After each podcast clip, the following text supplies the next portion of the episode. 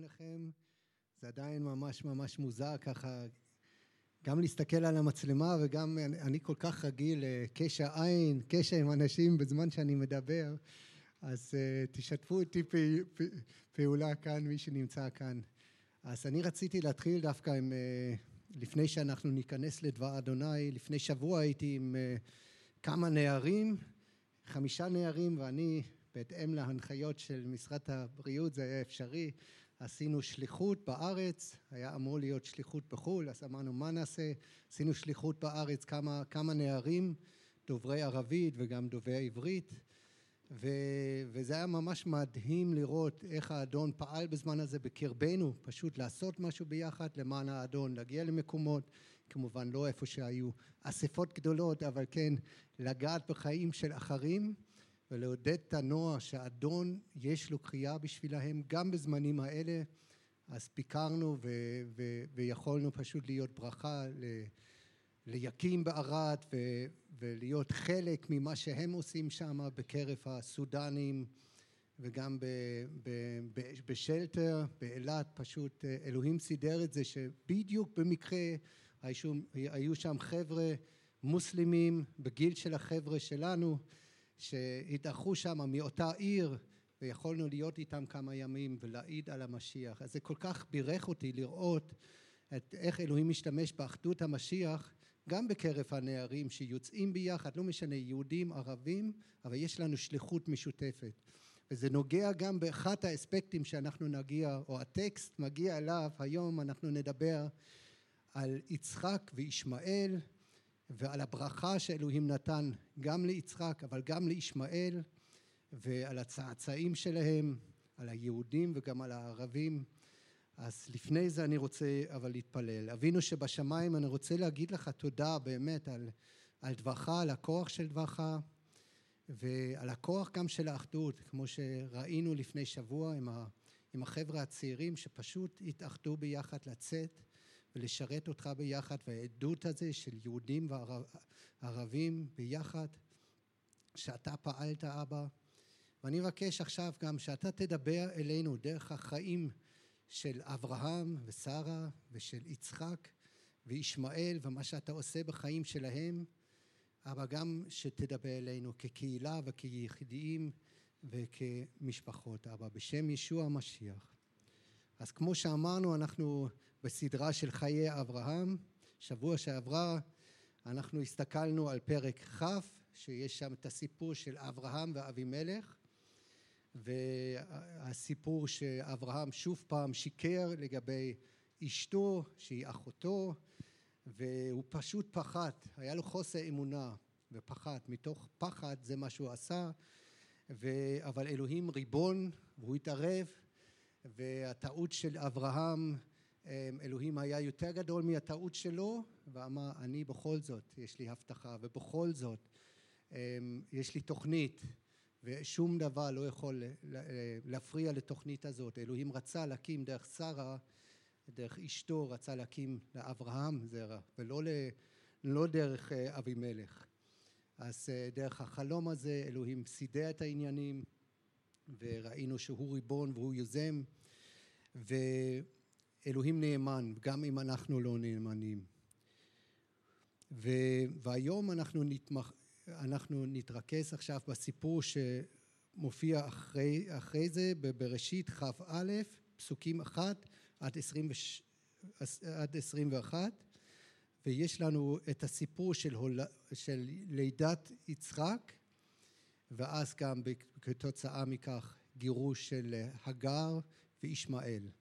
אז אני רוצה פשוט להקריא את הפסוקים הראשונים, אני אחלק את זה לשלושה חלקים של קריאה ונתמקד בטקסט של אותה קטע.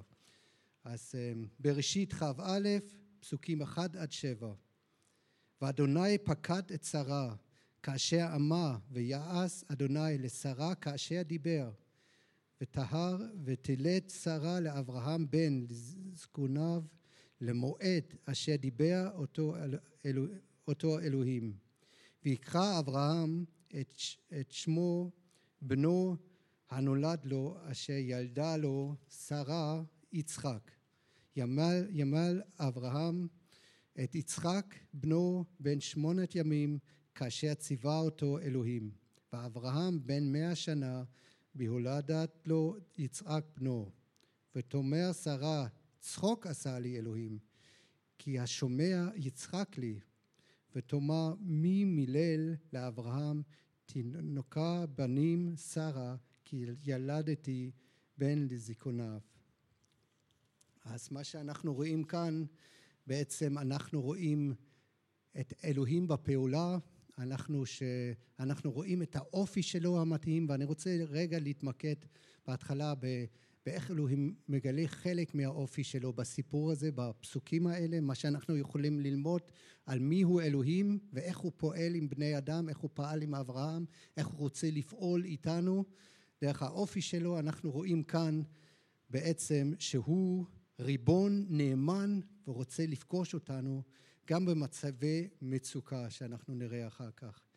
דרך אגב, גם בפסוקים אחרי זה אנחנו ניגע בעצם בבחירתו של אלוהים, שהיא לא תלויה בנו, אלא רק בחסד שלו. ודבר נוסף, כמו שאמרתי מקודם, אנחנו נראה גם שלאלוהים יש הבטחות ותוכניות טובות לצאצאי יצחק וגם של ישמעאל, ליהודים ולערבים ולעולם כולו. אז בואו בוא נראה בדיוק. אחד הדברים שאנחנו לומדים על אופי אלוהים, פסוק אחד, אדוני פקד את שרה ויעש. אנחנו רואים שאלוהים זה שיוזם פה. אלוהים הוא הריבון, זה הדבר הראשון שאנחנו רואים. הוא בעצם יוזם את הסיפור. זה עלילה שלו, זה לא של אברהם, זה לא, זה כן חיי אברהם, אבל זה, זה הסיפור של אלוהים. אז הוא פקד את שרה ויעש. ולאורך כל הדרך בחיי אברהם אנחנו רואים את זה שאלוהים נתן התגלויות, דיבר, יוזם וסידר את הנסיבות בהתאם לכך. אז הוא ריבון, אנחנו רואים בפסוק שתיים ששרת ההר ותילת למועד אשר דיבר איתו אלוהים. אז שוב פעם רואים את הריבונות שלו. מתי היא ילדה? במועד שאלוהים קבע. זה היה נראה מאוחר מדי, היא הייתה בת תשעים. אז הם ציפו למש, לילד מוקדם יותר, אבל במועד שהוא קבע זה קרה. אז אלוהים שוב פעם, הם, הוא זה ש, שקובע, הוא, הוא זה שריבון. אנחנו רואים את זה בהמון סיפורים מהכתובים, אחד מהם זה ביאת המשיח, ביאת ישוע, כתוב לנו בגל"טים ד' פסוק ארבע, אבל כאשר מילאת העת שלח אלוהים את בנו. בזמן הנכון, מילאה הזמן, וגם כן עם אברהם ושרה זה קרה אותו דבר, אלוהים לא מאחר. ואנחנו רואים גם בפטרוס ג' פסוק תשע, אין אלוהים מאחר בדבר אשר הבטיח. אלוהים מבטיח והוא מקיים. וגם אם זה נראה שהוא מתמהמה, הוא לא מתמהמה, כמו שגם חבקוק שמע מאלוהים, שהוא קיבל את החזון למועד, הוא אומר, כתוב לך את החזון הזה, כי זה יקרה, זה יקרה בזמן הנכון. הדרך והזמן של אלוהים תמיד מושלמים. אבל מה, השנים עברו, ו- ואז אה, אברהם אמר, איך, איפה, איפה ההבטחה? אנחנו ראינו בפרקים הקודמים שקראנו אה, במהלך הש- השנה האחרונה בעצם, גם לפני ההפסקה של מרקוס, אנחנו אה, ראינו שבאיזשהו שלב אברהם אה, חשב, אה, אז אולי אליעזר הוא זה שיורש אותי. אבל אלוהים בעצם בפרק ט"ו הוא אומר שזה לא הוא אלא הוא אישר שוב פעם את ההפטרה. בט"ז אנחנו רואים עברו עוד עשר שנים ששרה הייתה אה, כבר רגע כמה היא הייתה? אה, היא הייתה כבר בת אה, שבעים וחמש אני חושב בתקופה הזאת בט"ז ורק הזדקנו. ואז שרה חשבה אוקיי היא הייתה חוסר אמונה חוסר סבלנות והיא ניסתה לעשות את זה בכוח של עצמה, היה לה תוכנית אנושית והיא אמרה לאברהם הנה קח, קח את, את, את השפחה שלי, את הגר ומה שהיה נהוג בימים האלה ומהגר אולי אלוהים יקים, יקים זרע. וזה מה שקרה ונולד ישמעאל ולמדנו אז כשדיברנו על זה קודם כל לא כדאי לנסות לעזור לאלוהים, יש לזה תוצאות, אלוהים יודע הרבה יותר טוב מאיתנו מה, מה לעשות ומתי לעשות אותו. ו, ודבר שני שאנחנו ראינו גם כן, יש מחיר לשלם, יש תוצאות לזה, אבל אלוהים יותר גדול אפילו מהטעויות של, שלנו, והוא יכול לחוות את הכל לטובת אוהביו, וזה מה שאנחנו נראה גם בסיפור הזה ונראה גם בהמשך. אז כדאי לחכות, אלוהים לא ממהר, הוא ריבון, הוא קובע את הזמנים. אז אנחנו לומדים שאלוהים ריבון, והוא קובע את הזמנים. דבר נוסף שאנחנו לומדים פה, בפסוק שלוש, הוא פקד כאשר אמר, והוא יעש כאשר דיבר. הוא פקד כאשר אמר. הוא עשה בדיוק מה שהוא אמר. כאשר הוא אמר ועשה את מה שהוא דיבר. הוא נאמן. מה שהוא אומר, הוא מקיים גם כן. הוא מקיים את ההבטחות לתת זרע, לתת ילד, כמו שהוא הבטיח. הוא אמר גם, אחרי שנולד ישמעאל, הוא אמר לאברהם, איזה 13 שנה אחרי זה, כל הזמן הזה אברהם חשב שזה הבן אה, שימלא את ההבטחה הזאת. אז אלוהים אמר, אחרי 13 שנה הוא אמר לו, לא, בעצם מי שכן, מי שכן יגשים את ההבטחות האלה של הזרע, הוא עוד ייוולד, עוד שנה הוא ייוולד לך, הוא, בן כבר, הוא כבר בן, בן 99 ושרי בת 89 בזמן הזה. אז במצבים קשים להתמקד בהבטחות של אלוהים כמו שהם חלק, חלקם הצליחו אה, לעשות טוב, חלקם לא, אבל אלוהים, הנאמנות שלו, וואו, הרוח פה של מאוורר, זה קצת אתגרי, תודה רבה, וזה נעים. אמ, אז להכריז את ההבטחות שלו. אמ, מה אנחנו עוד רואים פה על האופי של אלוהים ועל הצורת פעולה שלו? אלוהים הוא אל של ניסים. פסוק חמש, כמו שדיברנו מקודם, אברהם בן מאה, שרה בת תשעים, לאלוהים שום דבר לא בלתי אפשרי, הוא אל של ניסים, כמו שאמרנו בפרק י"ב, אברהם היה בן שבעים וחמש ואשתו הייתה עקרה, איש, אישה עקר, עקרה ואחרי עוד הרבה חמש עשרה שנים אלוהים עושה את הנס הזה, מה שבלתי אפשרי בבני, לפני בני אדם. אמ, ואז דבר נוסף שהוא אמר שאתה תהיה גוי גדול אז כל ההבטחות האלה שהוא נתן והוא קיים את זה אז הוא יכול לעשות את הניסים האלה אני, אני אומר את זה כאן אה, כי אנחנו קוראים את הסיפור אבל אני מסתכל על החיים שלי זה הרבה פעמים זה מאוד קשה אנחנו רואים מציאות אנחנו רואים מתח בין המציאות ש, של החיים שלנו לעומת ההבטחות של האדון, אדון אתה אמרת ואני רוצה לעודד את כל אחד מאיתנו, אני זוכר את הרגעים האלה שאני ירדתי על הברכיים ואמרתי אדון ההבטחות שלך אני לא מבין אבל אני רוצה לפתוח בך גם אם אני לא מבין ולא תמיד הבנתי אותו ולא תמיד הגבתי נכון. אבל אני יכול עכשיו להגיד על חלק מהדברים האלה שהתמודדתי איתו והיה לי חוסר אמונה שאני יכול להגיד בדיעבד אלוהים נאמן הוא מקיים הוא עד של ניסים הוא עושה את זה. אני רוצה לעודד אותנו פשוט לבוא ולהכריס את, את הדברים האלה ולדבר איתו בכנות.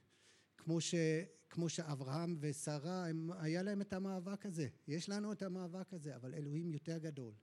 אז בואו נתעודד שאלוהים יותר גדול אפילו מהטעויות שלנו בתהליך הזה שאנחנו נמצאים במתח הזה של ההבטחות של אלוהים והמציאות כביכול שאנחנו רואים. אלוהים רואה מציאות אחרת. הוא רואה כבר את התוצאה מוגמרת שאנחנו לא רואים. אבל זה לא, ש... לא אומר שזה לא קיים. זה קיים כבר לפני אלוהים. אנחנו רק צריכים להאמין ורק צריכים פשוט להכריז את ההבטחות שלו. האם יפלא מאדוני דבר? עכשיו עוד דבר שאנחנו רואים בפסוקים האלה באותם פסוקים אני אשים דגש על מילה אחרת עכשיו פסוק אחד כאשר אמר כאשר דיבר פסוק שניים לעומת אשר דיבר אלוהים אלוהים מדבר אלוהים דיבר לאברהם וזה מאוד מעניין אנחנו רואים רק חלק מהדברים אולי אולי כל הדברים שאלוהים אמר לאברהם אבל בין הדברים שהוא אמר לאברהם לפעמים עברו שנים לפחות לפי מה שרשום לנו היה פעם אחת שלוש עשרה שנה לא, לא שמע מאלוהים או לא רשום שם. אז אני מאמין גם בתקופות האלה שיש לנו יובש שאנחנו אולי לא שומעים את האדון. בואו נזכר במה הוא כן אמר לנו ומה שהוא כן נותן לנו ופשוט נעמוד על ההבטחות האלה, נכריז אותן והוא רוצה לדבר אלינו. אלוהים רוצה לכוון את החיים שלנו דרך דברו. הוא מכוון את החיים של אברהם כאן, והוא רוצה לכוון את החיים שלנו. זה מה שיכול להניע את החיים שלנו לייעוד שהוא קבע לחיים שלנו. בואו נהיה כאלה שנקשיב לאלוהים כמו שאברהם כן הקשיב לאלוהים. גם שרה שמעה את כל אלוהים, ואחר כך נראה גם הגר שמעה את אלוהים. אלוהים מדבר, רוצה לפגוש אותנו. אמ, עכשיו עוד דבר שאני על הקטע הזה רוצה לציין בעצם זה התגובה של אברהם. הנה למדנו שאלוהים נאמן, הוא ריבון, הוא אל של ניסים, הוא אל שמדבר. זה מה שאנחנו רואים כאן בפסוקים האלה, הראשונים. אבל אנחנו גם רואים את התגובה של אברהם. הוא מציית. אנחנו רואים בפסוק שלוש שנולד לו הבן, הוא קרא לו יצחק לפי הציווי של אלוהים בראשית י"ז. כמה פרקים לפני זה אלוהים אמר לו שתקרא לו יצחק וזה מה שהוא עשה. אז הוא ציית לו. דרך אגב השם יצחק כמובן זה בא מ, מ, מלצחוק מהדברים ואנחנו רואים בפסוק שש ששרה מתייחסת לזה אומרת צחוק עשה לי אלוהים כל השומע יצחק לי אז היה פה צחוק של שמחה בסיפור הזה ואנחנו עוד זוכרים בטח את הסיפור של אה, פרק י"ח שהיא שמעה בפעם ראשונה שאלוהים רוצה לתת לילד בגיל הגבוה והיא הכרה אז היא צחקה, זה היה צחוק של חוסר אמונה ואלוהים הפך את הצחוק הזה שהיה לה אז של חוסר אמונה לצחוק של שמחה, זה באמת קורה. אלוהים הבטיח והוא עושה את זה. אז שאלוהים יעשה את זה גם בחיים שלנו. אולי יש לנו את הרגעים האלה שנבוכים וצוחקים, ו...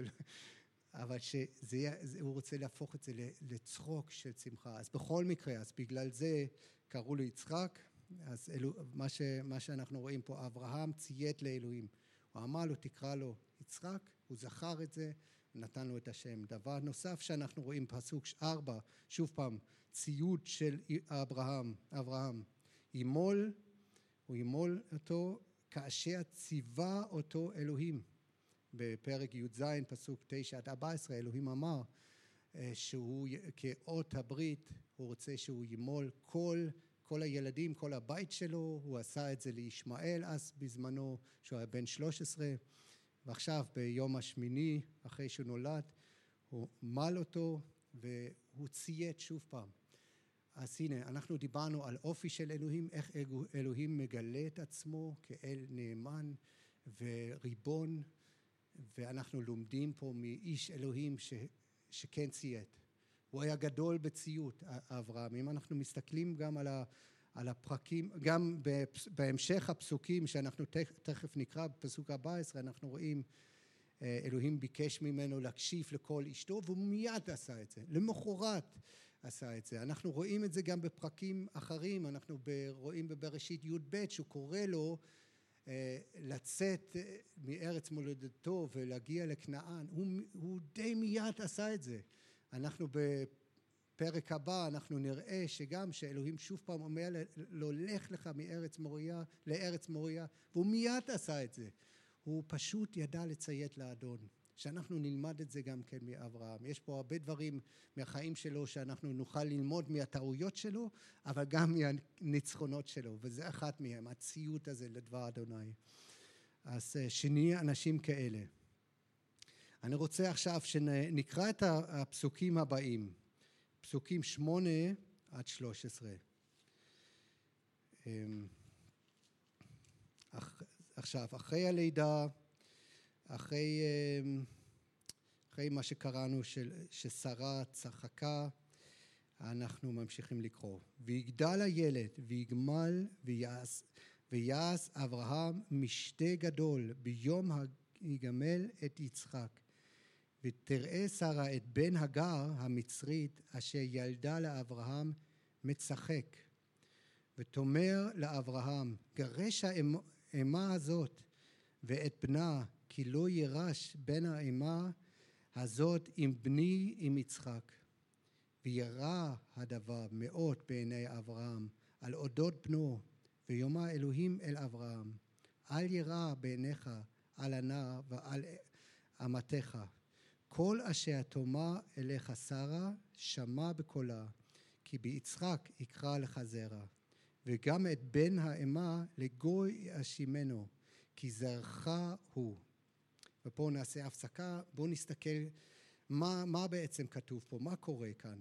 אז אנחנו רואים פה ש"ויגדל הילד ויגמל" בפסוק שמונה, אברהם עשה משתה גדול.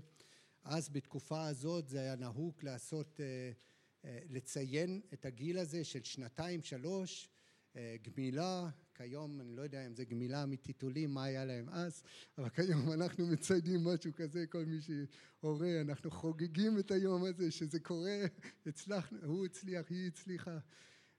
אז זה היה גמילה מסוימת והם ציינו את זה. בתקופה הזאת ישמעאל היה כבר בן 16, 17 בתקופה הזאת. אז אה, שנזכור את הפער גילאים. אז מה קרה עכשיו? פסוק תשע, ותראה שרה את בן הגר מצחק. עכשיו המילה מצחק, אם אנחנו מסתכלים על בראשית, על השימוש של המילה הזאת, זה עוזר לנו אולי קצת יותר להבין מה בדיוק הוא עשה כאן. אמ, אנחנו רואים בראשית כ"ו פסוק שמונה שאבימלך ראה את יצחק משחק את רבקה אשתו אמ, במקרה הזה זה כנראה היה איזשהו, הוא ראה תוך כדי זה שהם משחקים, לא יודע איך אומרים את המילה הזאת ברבים במקרה כזה, אבל בכל מקרה הוא ראה אותם משחקים ואז הוא הבין שהם בעל ואישה. אז זה היה משהו של אה, קשר של אה, אולי קשר אינטימי, אולי זה היה משהו של שובבבות שיש בין בעל ואישה ואז זה, זה מקרה אחד. אנחנו רואים אבל מקרים אחרים שהמשמעות היא יותר שלילית בעצם ואנחנו רואים ב,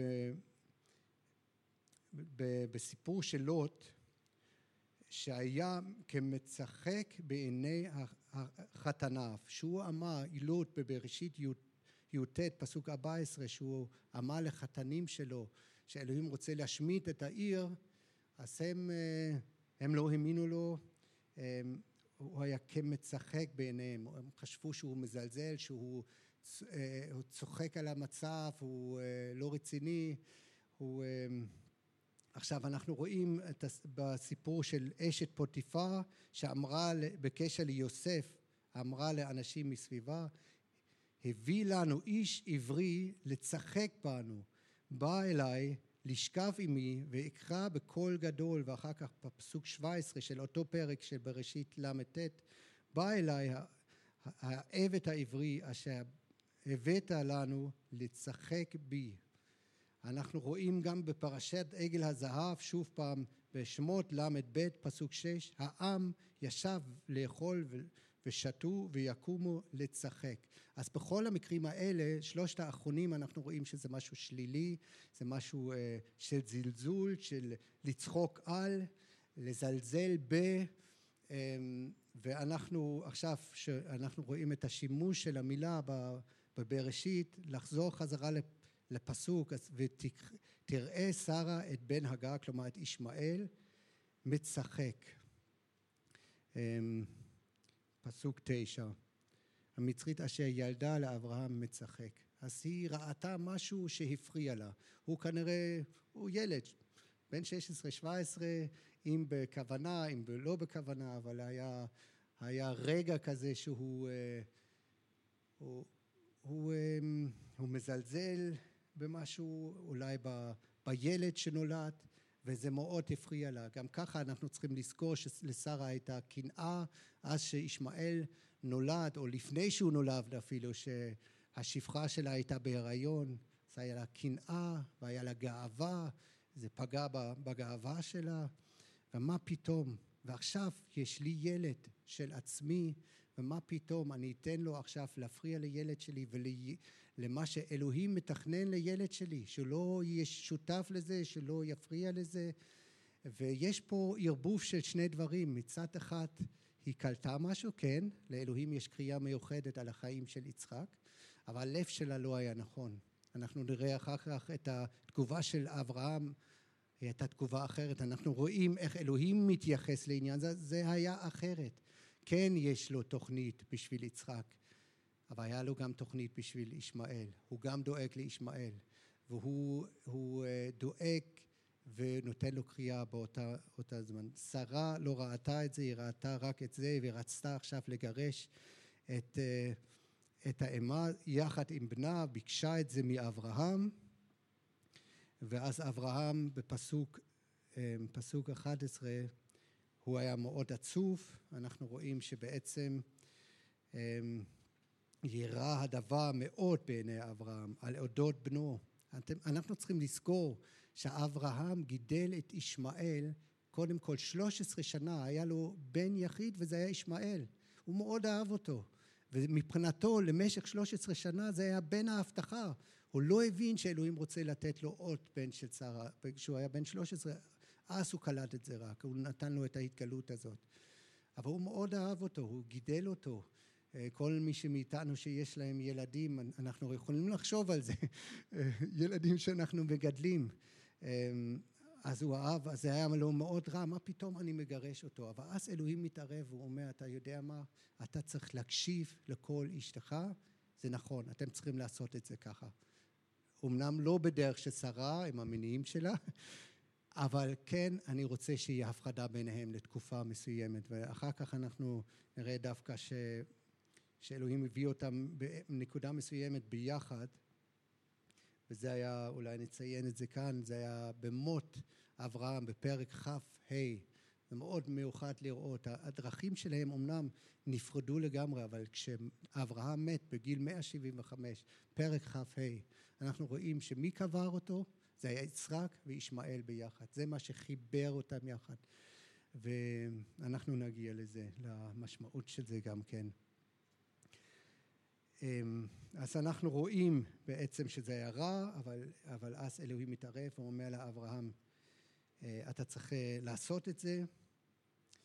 אמ, כי, למה? כי ביצחק יקרא לך זרע. פסוק 12. פסוק 13 אנחנו רואים שבו זמנית אלוהים גם נותן הבטחה לישמעאל שגם אותו הוא יעשה כגוי גדול כי הוא זרע אברהם. אז יש, הנה אנחנו, זה לא שחור לבן, אנחנו הרבה פעמים חושבים אה, שחור לבן, יצחק וישמעאל, אמ, הבטחות של אלוהים לישראל, האם זה מבטל תוכניות אחרות לעמים אחרים? חס וחלילה, אלוהים ההפך, ואנחנו נסתכל על זה תכף. דווקא זה שהוא בחר בעם ישראל וביצחק, דרך זה הוא רצה לברך את כל משפחות האדמה, וזה מה שהוא אמר לאברהם בפרק אה, י"ב, שהוא קרא אותו. דרך הזרע שלו הוא רוצה לברך את כל אומות העולם, שזה כולל את צאצאי ישמעאל, וזה כולל כל האנשים האחרים בעולם הזה. תודה לאל. אז בואו אה, נסתכל עכשיו, כשאנחנו קראנו פסוק 12 ו-13, אני רוצה להקריא את זה עוד פעם. אה, ויאמר אלוהים אל אברהם, אל יראה בעיניך על הנער ועל עמיתך. כל אשר תאמר אליך שרה, שמע בקולה, כי ביצחק יקרא לך זרע. וגם את בן האומה לגוי אשימנו, כי זרעך הוא. כלומר, לאלוהים יש תוכנית בשביל שניהם. אבל מה? יש את הבחירה של אלוהים ביצחק. ואני רוצה שרק נסתכל רגע בנושא הזה של הבחירה של יצחק מה שאלוהים אמר בפרק י"ז עליו. אני אקרא פה פסוקים 16, 19 ו-21. אלוהים אמר, ובירכתי אותה, הוא מתייחס לשרה כאן, וגם נתתי ממנה לך בן, הוא מתייחס ליצחק, וברכתיה והייתה לגויים מלכי עמים ממנה יהיו. אבל שרה אשתך ילדת לך בן וקראת את שמו יצחק והקמתי את בריתי איתו לברית עולם לזרעו אחריו ואת הברית אקים את יצחק אשר תלד לך שרה למועד הזה בשנה אחרת. כלומר זה היה לפני שנה, שנה לפני הלידה. אלוהים נותן הבטחות ליצחק ספציפית. הוא אומר אני בחרתי בו להיות הזרע הזה. עכשיו זה מאוד מעניין להסתכל בהמשך הסיפור. אנחנו יודעים אחרי זה, אז אלוהים בכה ביצחק ולא בישמעאל. אחרי זה הוא בכה, הוא בכה בעצם אמ, ביעקב ולא בעשו. ופה בסיפור של יצחק וישמעאל אנחנו יכולים להגיד, אה כן, כי יש לו יתרון, הוא נולד מהאישה האמיתית של אברהם. אבל מה, מה אנחנו נגיד בסיפור של יעקב ועשו? הם נולדו מאותה אימא, ולא רק מאותה אימא, באותו זמן, הם היו ברחם אימם באותו זמן. אז אלוהים רוצה להגיד לנו משהו פה, זה הבחירה שלי. אני בוחר לא על סמך זה שמישהו יש לו יתרון על השני, או שהוא עשה משהו טוב יותר, אלא זה הבחירה שלי, אני בחרתי, אני, זה הבחירה של אלוהים, החסד שלו שהוא הלך עם יצחק. אבל תכף נראה שזה לא אקסקלוזיבי, זה דווקא, זה נראה כזה אקסקלוזיבי, מה פתאום, אתה בוחר מישהו, אז אתה, אתה, את כל האחרים זה פחות טוב, אז בואו נסתכל הלאה. אז הוא בחר ביצחק ולא בישמעאל, הוא בחר ביעקב ולא בעשו, הוא בחר ב-12 השבטים ולא בעמים, הוא בחר בסופו של דבר דרך זה להביא את הזרע לאברהם, את המשיח. אמ, אנחנו רואים אמ, בעצם בגל"טים ג' פסוק 16 אמ, קרן את יכולה לעזור לי אה, להוריד את הרעש של הפלאפון שלי תודה בגל"טים ג' פסוק 16 אנחנו רואים הנה ההבטחות נאמרו לאברהם ולזרעו לא נאמר זרעך כמו על רבים אלא לזרעך כמו על יחיד והוא המשיח. אז הוא אומר פה, בעצם אלוהים מדבר פה על הזרע הזה, הוא מצביע כבר על המשיח, המשיח שייוולד מהעם היהודי, שייוולד מהשושלת של יעקב, מאברהם, יצחק ויעקב, ו, ובסופו של דבר אנחנו רואים ש, שהוא מדבר פה על, על הזרע, על המשיח, ש, לזה הוא מתכוון. זה הזרע שדרכו הוא רוצה לברך את כל משפחת, משפחות העולם, כמו שהוא אמר לאברהם בבראשית י"ב. עכשיו, הנה זה עוד יותר מצ, מצמצם את זה. בוחר באדם, אדם, אדם, אבל דרך המשיח הוא יביא את הברכה לכל הגויים, לכל האנשים, שזה כולל גם צאצאי ישמעאל, וזה כולל את כולנו. שמאמינים בו, זה מה שכתוב, בזכות המשיח ברכה לכל הגויים וכל מי שמקבל את ישוע הופך להיות יורש כמו שכתוב בגלתים ג' פסוק 29 ואם אתם שייכים למשיח אזי זרע אברהם אתם יורשים על פי ההבטחה. על פי ההבטחה שאלוהים נותן. אמ, אני לא מתייחס לזה עכשיו הרבה אבל זה, יש אה, קטע מאוד מעניין בגל"טים ד' פסוק 21 עד 31 שבעצם מתייחס לסיפור הזה, שאול מתייחס לסיפור של, של יצחק וישמעאל והוא אומר שזה לא רק הסיפור עצמו מה שאלוהים עשה, הוא רצה גם לתת לנו משל. והמשל הזה בעצם מדבר אה, על המתח בין אלה שמתחת לתורה לעומת אלה שמתחת החסד, הבשר לעומת ההבטחה. משל, משל לשתי בריתות הוא אומר לעבדות, סיני, הגר, שזה בר, בעצם ברית אחת, לעומת ירושלים מלמעלה. בפסוק 28 של אותו פרק בגלתים ד' הוא אומר אנחנו המאמינים בישוע בני ההבטחה כיצחק. אז הוא מתייחס לזה כמשל. אז זה משמעות עמוקה שאלוהים נתן לשאול להבין ולפרש פה בעצם בנוסף לזה. אני רוצה להתמקד רק ב... בסיפור עצמו, מה שקרה אז ומה ש... אבל רק שנדע שזה קטע מאוד חשוב להבין גם את המשמעות הרוחנית הנוספת שאלוהים נתן בסיפור הזה של המשל הזה שהוא מדבר הרוח כנגד הבשר שזה נותן, העבדות כנגד החופשייה, אה, הגה הייתה השפחה, העבדה, נו, עבד שפחה, כן, ושרה הייתה חופשייה. אז הקונפליקט של ישמעאל ויצחק היה דומה, קונפליקט של בשר ורוח. עכשיו אני רוצה גם להתייחס בנושא נוסף שקשור לסיפור הזה, זה התוכנית של אלוהים לצאצאי ישמעאל. אנחנו קראנו מקודם כמה מההבטחות שאלוהים נתן ליצחק. אני רוצה שנסתכל מתוך הקטע ומתוך שני הפרקים לפני זה, אלה הבטחות אלוהים נתן גם לישמעאל, שאנחנו נזכור את זה גם כן. אמ, כשהגה בכה משרה בט"ז פסוק עשר, אלוהים אמר הרבה הרבה הרבה את זרעך ולא יספר מרוב. זה מה שאלוהים אמר להגר לגבי ישמעאל. וגם הוא נותן לה נבואה על ישמעאל בפרק ט"ז פסוק 12 פרע אדם ידו וכל יד כל בו ועל פני כל אחיו ישכון אמנם על פני על פניו זה נראה משהו שלילי אבל אם אנחנו נסתכל על זה גם אם אנחנו מסתכלים על הנבואות האחרות שאלוהים נתן לשבטי ישראל בראשית אה, מ"ט אז זה נראה גם הרבה מה, מהברכות שאלוהים נותן שם.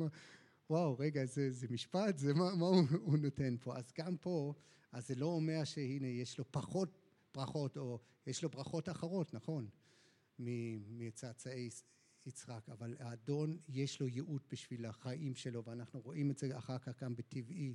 הוא היה בן הוא היה טוב בקשת הוא, הוא היה אמ, איך קוראים לזה? ברח לי המילה. מה? צייד, בדיוק, זה מה שחיפשתי, תודה. אמ, כמו, אז אנחנו רואים עוד הבטחה שאלוהים נתן לאברהם לגבי ישמעאל. בפרק י"ז פסוק עשרים הוא אומר ולישמעאל שמעתיך הנה ברכתי אותו והפרעתי אותו והרביתי אותו מאוד מאוד שנים עשר נשיאים יוליד ונתתי לגוי גדול. שוב פעם, אלוהים אומר גם לו לא יש הבטחה, גם הוא יהיה גוי גדול ויהיו גם 12 שבטים ואנחנו רואים את זה אחר כך בתולדות ישמעאל בפרק כ"ה שהיו לו 12 בנים באמת, שאלוהים הקים משם גם כן עם, שלאלוהים היה תוכנית בשביל העם הזה אותו דבר גם כן. ועכשיו פה בפרק עצמו אנחנו רואים בפסוק 13 ואנחנו אחר כך נראה גם בפסוק 18 שוב פעם הבטחות של אלוהים אה, לגבי ישמעאל מה שהוא אמר להגה וגם את בן האמה לגוי אשימנו כי זרעך הוא סליחה הוא אמר את זה לאברהם. וגם את בן האמה לגוי אשימנו כי זרעך הוא פסוק 13 כי גוי גדול אשימנו. אז אלוהים הבטיח הוא, יש לו תוכנית בשבילו. אמ, אז אנחנו רואים, אה, אני לא אכנס עכשיו אמ, יותר, יותר לעניין הזה, מי זה ישמעאל, עשיתי קצת מחקר ואני עדיין מנסה להבין את זה, אבל מה שאני כן הבנתי, אנחנו, הדעה הרווחת היא ש, שהעם הערבי אה, צאצאים ישירים של ישמעאל ו, ומה ש, שכנראה ש, נכון חלקית אבל אה, לא רק. בתקופה הזאת אה, לא רק ישמעאל היה גר בפנינסולה בערב אלא אה, גם צאצאים אחרים של עשיו וקיטורה ובעצם חלק גדול נכון שהעם הערבי בא מישמעאל ואנחנו יכולים, אני, אני כן מאמין שאנחנו יכולים לייחס הרבה מהנבואות האלה גם לעם הערבי ובמיוחד שאנחנו חיים במציאות הזאת במזרח התיכון כיום להיזכר בתוכנית אלוהים לעם היהודי וגם לעם הערבי. ולא רק מהקטעים האלה אנחנו רואים את זה מנבואות אחרות שאלוהים נותן בתנ"ך ונותן לנו אה, על אחרית הימים. אחת מהם שאני רוצה לציין כאן ש... ש, שבאחרית הימים בישעיהו י"ט אלוהים רוצה לעשות משהו מאוד מיוחד מאוד משמעותי לישראל ולעמים מסביב. אמ, ואני רוצה להקריא את הקטע הזה זה כתוב ב, בישעיהו י"ט פסוק 23 25 רק כדי לציין אחת מהנבואות האלה של מה שאלוהים רוצה לעשות עם, עם העם שלו, אבל גם עם העמים מסביב, עם העם היהודי ועם העם, העמים הערביים מסביבו. כתוב שם שיום אחד אחרי משפט על מלך מצרים תהיה מסילה ממצרים אשורה ובא אשור במצרים ומצרים באשור ועבדו מצרים את אשור ביום ההוא יהיה ישראל שלישייה למצרים ולאשורה ברכה בקרב הארץ אשר ברכו אדוני צבאות לאמור ברוך עמי מצרים ומעשה ידיי אשור ונחלתי ישראל. אז אנחנו רואים פה העמים העם הצפוני מישראל העם הדרומי ושאדון יש לו תוכנית בשבילהם ואלוהים רוצה להביא אותם ביחד לעבוד את אדוני ביחד לשרת אותו ביחד ולכל אחת מהם יש לאדון הבטחה ו, ואני רק רוצה להגיד משהו. אני, אני מאמין שאדון רוצה לעשות את זה בקרבנו כבר עכשיו. לא יודע מתי זה מתגשם אבל שאנחנו נתפלל שזה יקרה בימינו לפחות חלק מזה שאנחנו נראה כבר זרע יקום.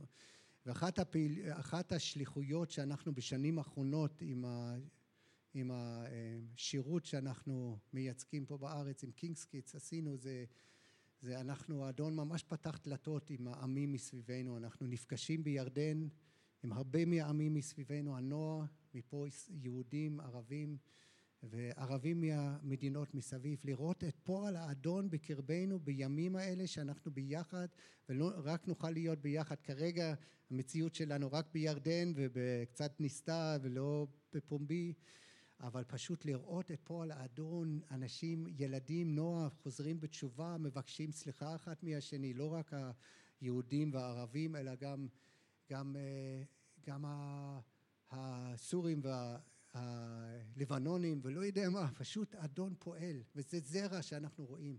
אדון מבטיח לעשות דברים כאלה באחרית הימים, להביא אותם ביחד, להלל אותו ביחד. אז אנחנו רואים את זה בקטן, רואים הלל ביחד, אז מדריך הלל מלבנון, שר פתאום שיר בעברית וזה פשוט מרגש, אלוהים עושה משהו.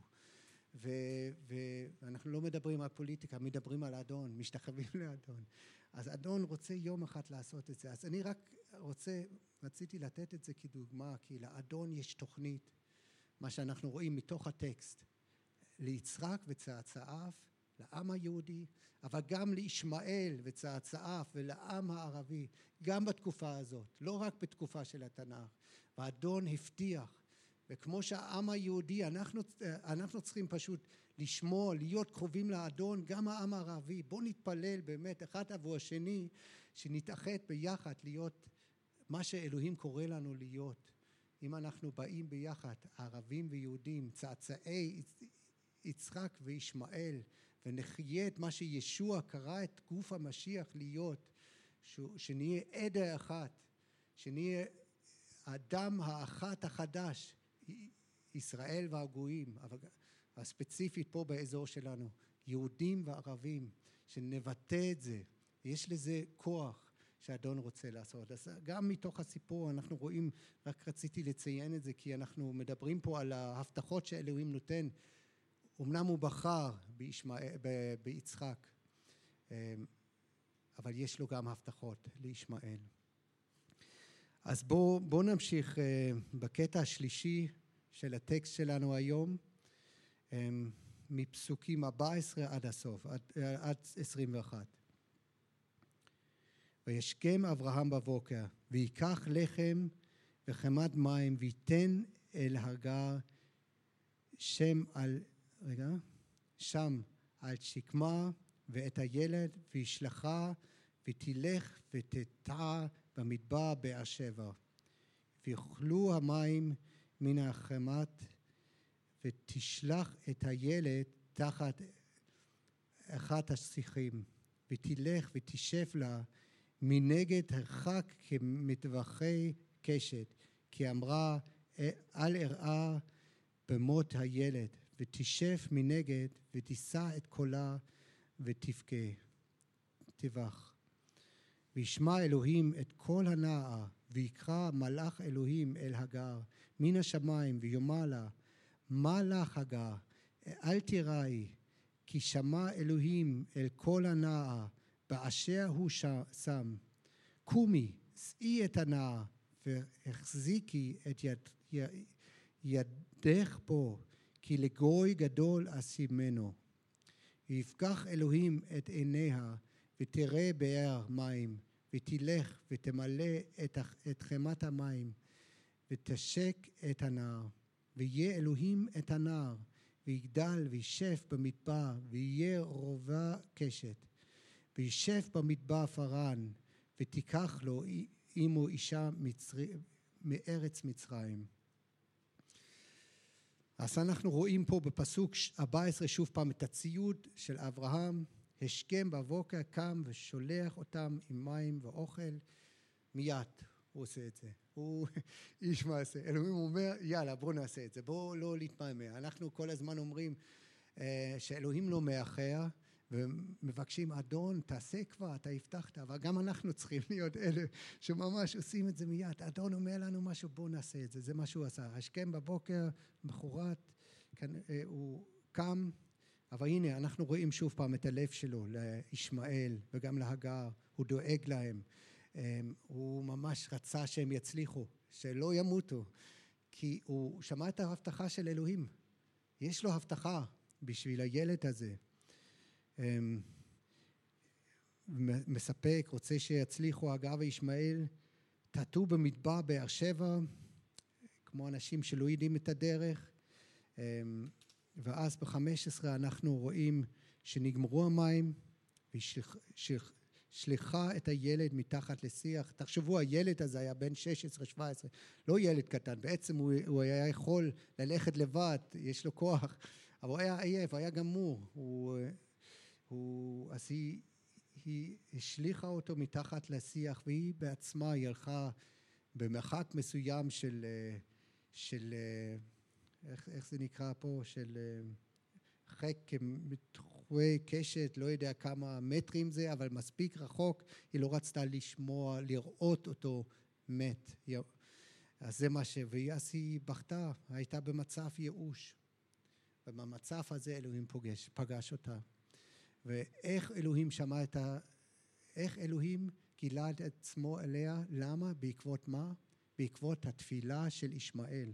אנחנו רואים אה, בפסוק 17, וישמע אלוהים את כל הנער.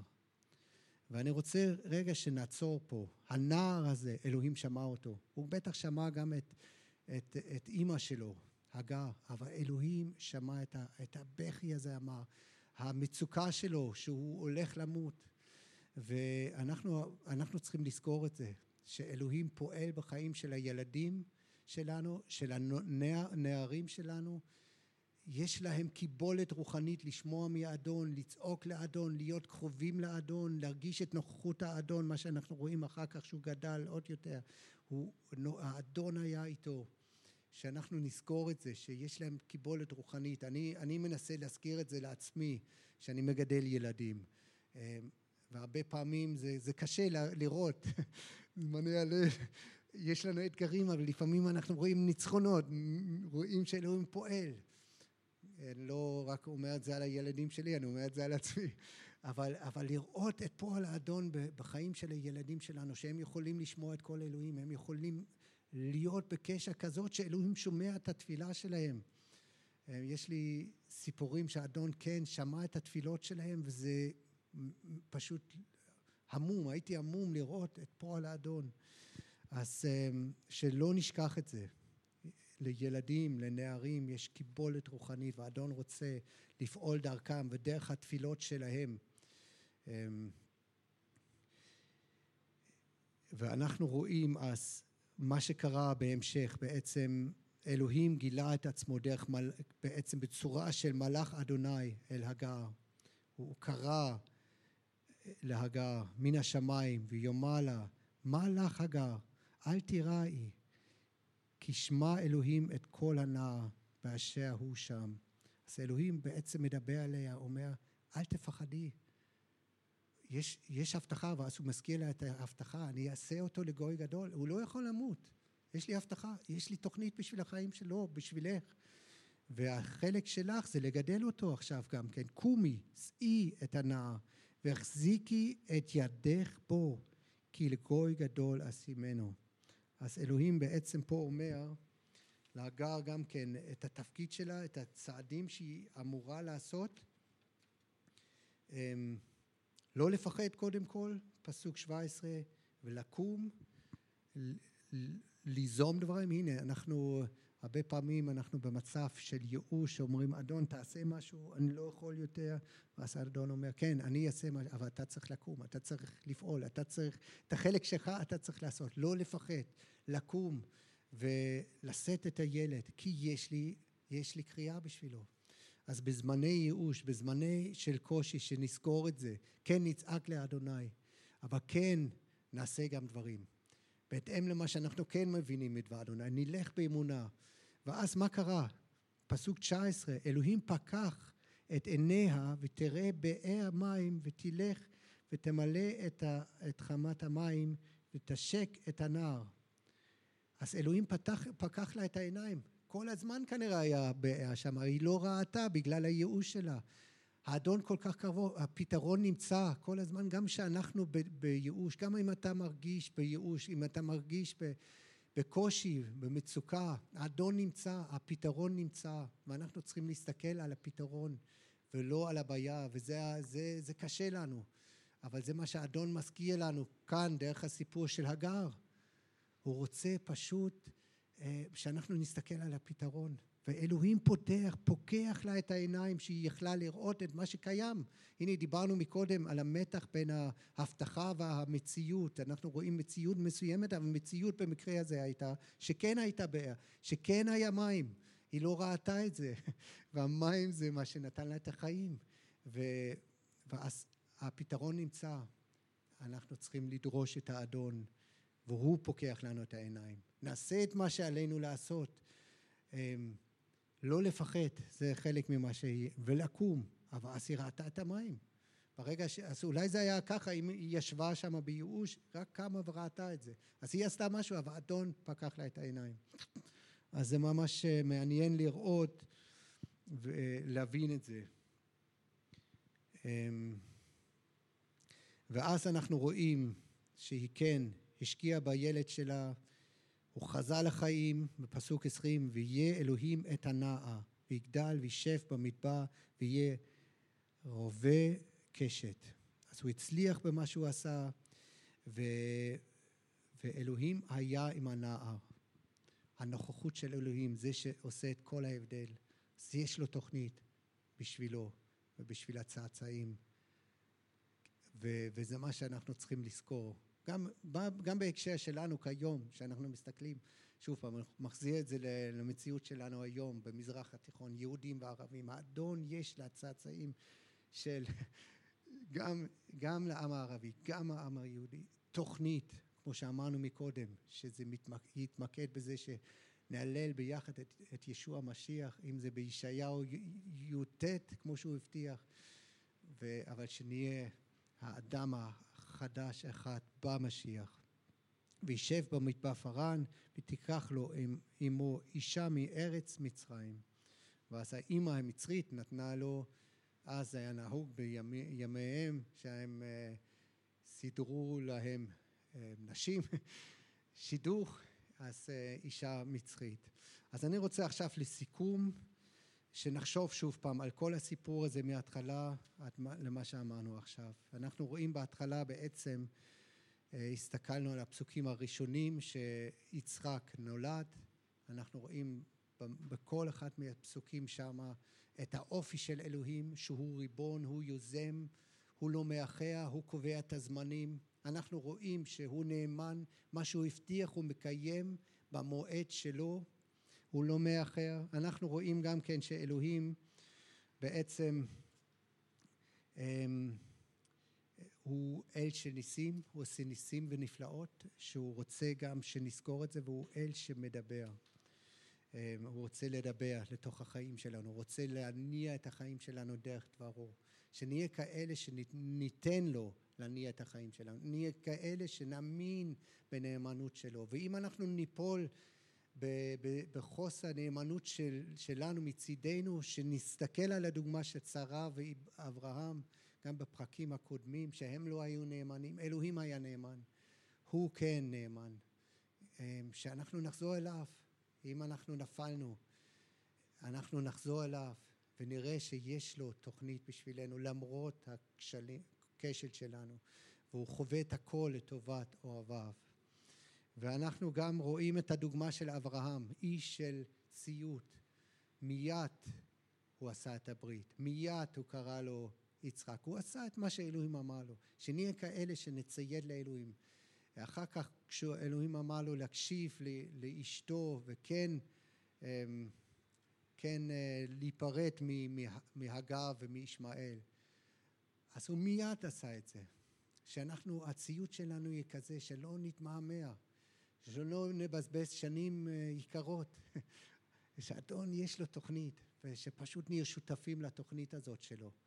אמ, זה מה שהוא מצפה, זה מה שהוא רוצה, זה מה שהוא אמ, היה רוצה לראות אותנו שותפים דרך הציות שלנו. ואנחנו רואים את זה בחיים של אברהם כאן. ואז אנחנו רואים גם כן את, אה, את התוכנית של אלוהים. בעצם אפשר להגדיר את זה משהו כמו אלוהים צמצם כדי להחריף. הוא צמצם את ההבטחה שלו לזרע של יצחק ולא של ישמעאל, של יעקב ולא של עשיו, של עם ישראל ולא של כל העמים, כדי להצביע על המשיח שנולד מזרע אברהם בסופו של דבר, ודרכו כל משפחות העולם יברכו. אז התוכנית המדהימה של אלוהים, זה, זה נראה אולי אקסקלוסיבית, אבל זה ההפך. אלוהים חושב, הוא אוהב את כל העמים, ויש לו תוכנית לעם ישראל, וזה לא מעלה אותם מעל העמים האחרים, רק שהוא בחר בהם, לא בגלל שהם יותר טובים, אלא בגלל שהחסד שלו, והוא רצה לגלות את עצמו דרך עם חלש, דרך עם שכן היה בראשו אדם שהתהלך עם אדוני, אבל הוא לא היה מושלם, אברהם. בכל זאת אלוהים בחר בו, ובכל זאת אלוהים בחר בצאצאיו, ונתן ברכות. במקרה הזה אנחנו רואים לצאצאים של יצחק וגם של ישמעאל. ואנחנו דיברנו קצת על זה, מה, ש, מה שיכול לקרות אם אנחנו נחיה את האחדות הזה במשיח, גם כאן במציאות שלנו במזרח התיכון, בארץ ישראל, של ערבים ויהודים, שנלך ביחד, הנה אנחנו ראינו את הריצוי הזה שקרה כשאברהם מת, אז מי קבר אותם? זה ישמעאל ויצחק ביחד. שנהיה כאלה שאנחנו נעשה דברים ביחד במשיח, שנהיה עדה אחת ושנהיה בעצם אה, אדם חדש אחד, שסימן ההיכר שלנו יהיה אהבה, ש, ש, וזה מה שקונה את העולם, זה מה, ש, מה שהם רואים שאנחנו תלמידיו. ואז אנחנו רואים גם כן ש, שהנוכחות של אלוהים עושה את כל ההבדל. הנה, ישמעאל במצוקה שלו קרא בשם אדוני והוא שמע את התפילה שלו. ואלוהים התערב, הוא גילה את עצמו לאימא שלו ונתן לה תקווה ונתן לה um, הוראות בעצם והיא הלכה בהתאם לזה. פתאום אלוהים פקח את עיניה ו, ואלוהים היה עם הנער שאנחנו גם כן במצבים קשים נזכור את זה שלאלוהים יש תוכנית בשבילנו גם במצבים האלה והוא רוצה לפגוש אותנו. המקום מפגש הזה שהיה ל... להגר עם אלוהים בתוך המדבר שהיא לא ידעה כבר מה לעשות זה שינה את הכל זה פתח לה את הראייה, את ההתגלות, לראות מקור מים ואלוהים רוצה לעשות את זה דווקא במצבים קשים. אם אנחנו עוברים מצבים כאלה כרגע, אדון רוצה להזכיר לנו דרך הסיפור הזה, תבואו אליי, תזעקו בשמי ואני, אני אפגוש אתכם. ואני אפתח לכם את העיניים, שתראו את מקור הברכה, המים החמים, שייתנו לכם את המשך הדרך ואת הברכה, ושתוכלו להתהלך בייעוד שיש לי בשבילכם, כמו שהיה לי ייעוד בשביל ישמעאל וצאצאיו. אבינו שבשמיים, אנחנו רוצים להגיד לך תודה על, ה, על עומק החוכמה שלך. אבא, אנחנו לא, לא מבינים. הרבה מהדברים אנחנו לא מבינים, אבל להסתכל על דברך ולראות איך אתה בחרת באדם, לא בגלל שאתה אקסקלוסיבי, אלא כדי דרכו לברך את כל משפחות העולם הבא. ואתה פשוט מראה לנו את הדרך שלך, את, את צורת הפעולה שלך, ויחד עם זה, אנחנו מבינים, אבא, שזה לא שחור לבן. זה לא... זה שאתה מברך מישהו אחת, זה, זה, זה מבטל את הברכות למישהו אחר, אלא ההפך. אחד גורם לשני, אבא, ויש לך ייעוץ ספציפי גם לחיים של כל אחד מאיתנו ולעמים שאנחנו חיים בקרבם וחלק מהם, אבא. אנחנו מבקשים גם, לא רק לחיים שלנו, אבא, שיהיה לנו את המפגש עם, איתך, אל חי, במצב שאנחנו נמצאים כרגע, אלא גם בשביל העמים שאנחנו חיים בהם, וחלק מהם, העם היהודי והעם הערבי, שאנחנו, אבא, דרך, נסגור את הסיפור הזה ונחיה את ה... את הקריאה שלך, את הייעוד שלך, כל עם, אבל ביחד נפאר את השם, השם שלך ביחד, אבא, כמו שאתה אמרת. תודה, אבא. אנחנו מבקשים, אבא, שאתה תיתן שדברך יהיה חרוט על ליבנו, אבא, שזה מה שינחה אותנו, כמו שזה ינחה את אברהם ששמע את קולך, ו, ושנהיה כאלה שנהגה על דברך, נחיה את זה ונציית, אבא. תודה, אבא, שזה לא בכוח, לא בחיל, כי ברוחך. אבא, אתה פועל אפילו את זה דרכנו, שנוכל להתהלך במעשים הטובים שמקדם אתה הכנת בשבילנו, בשם ישוע המשיח. אמן.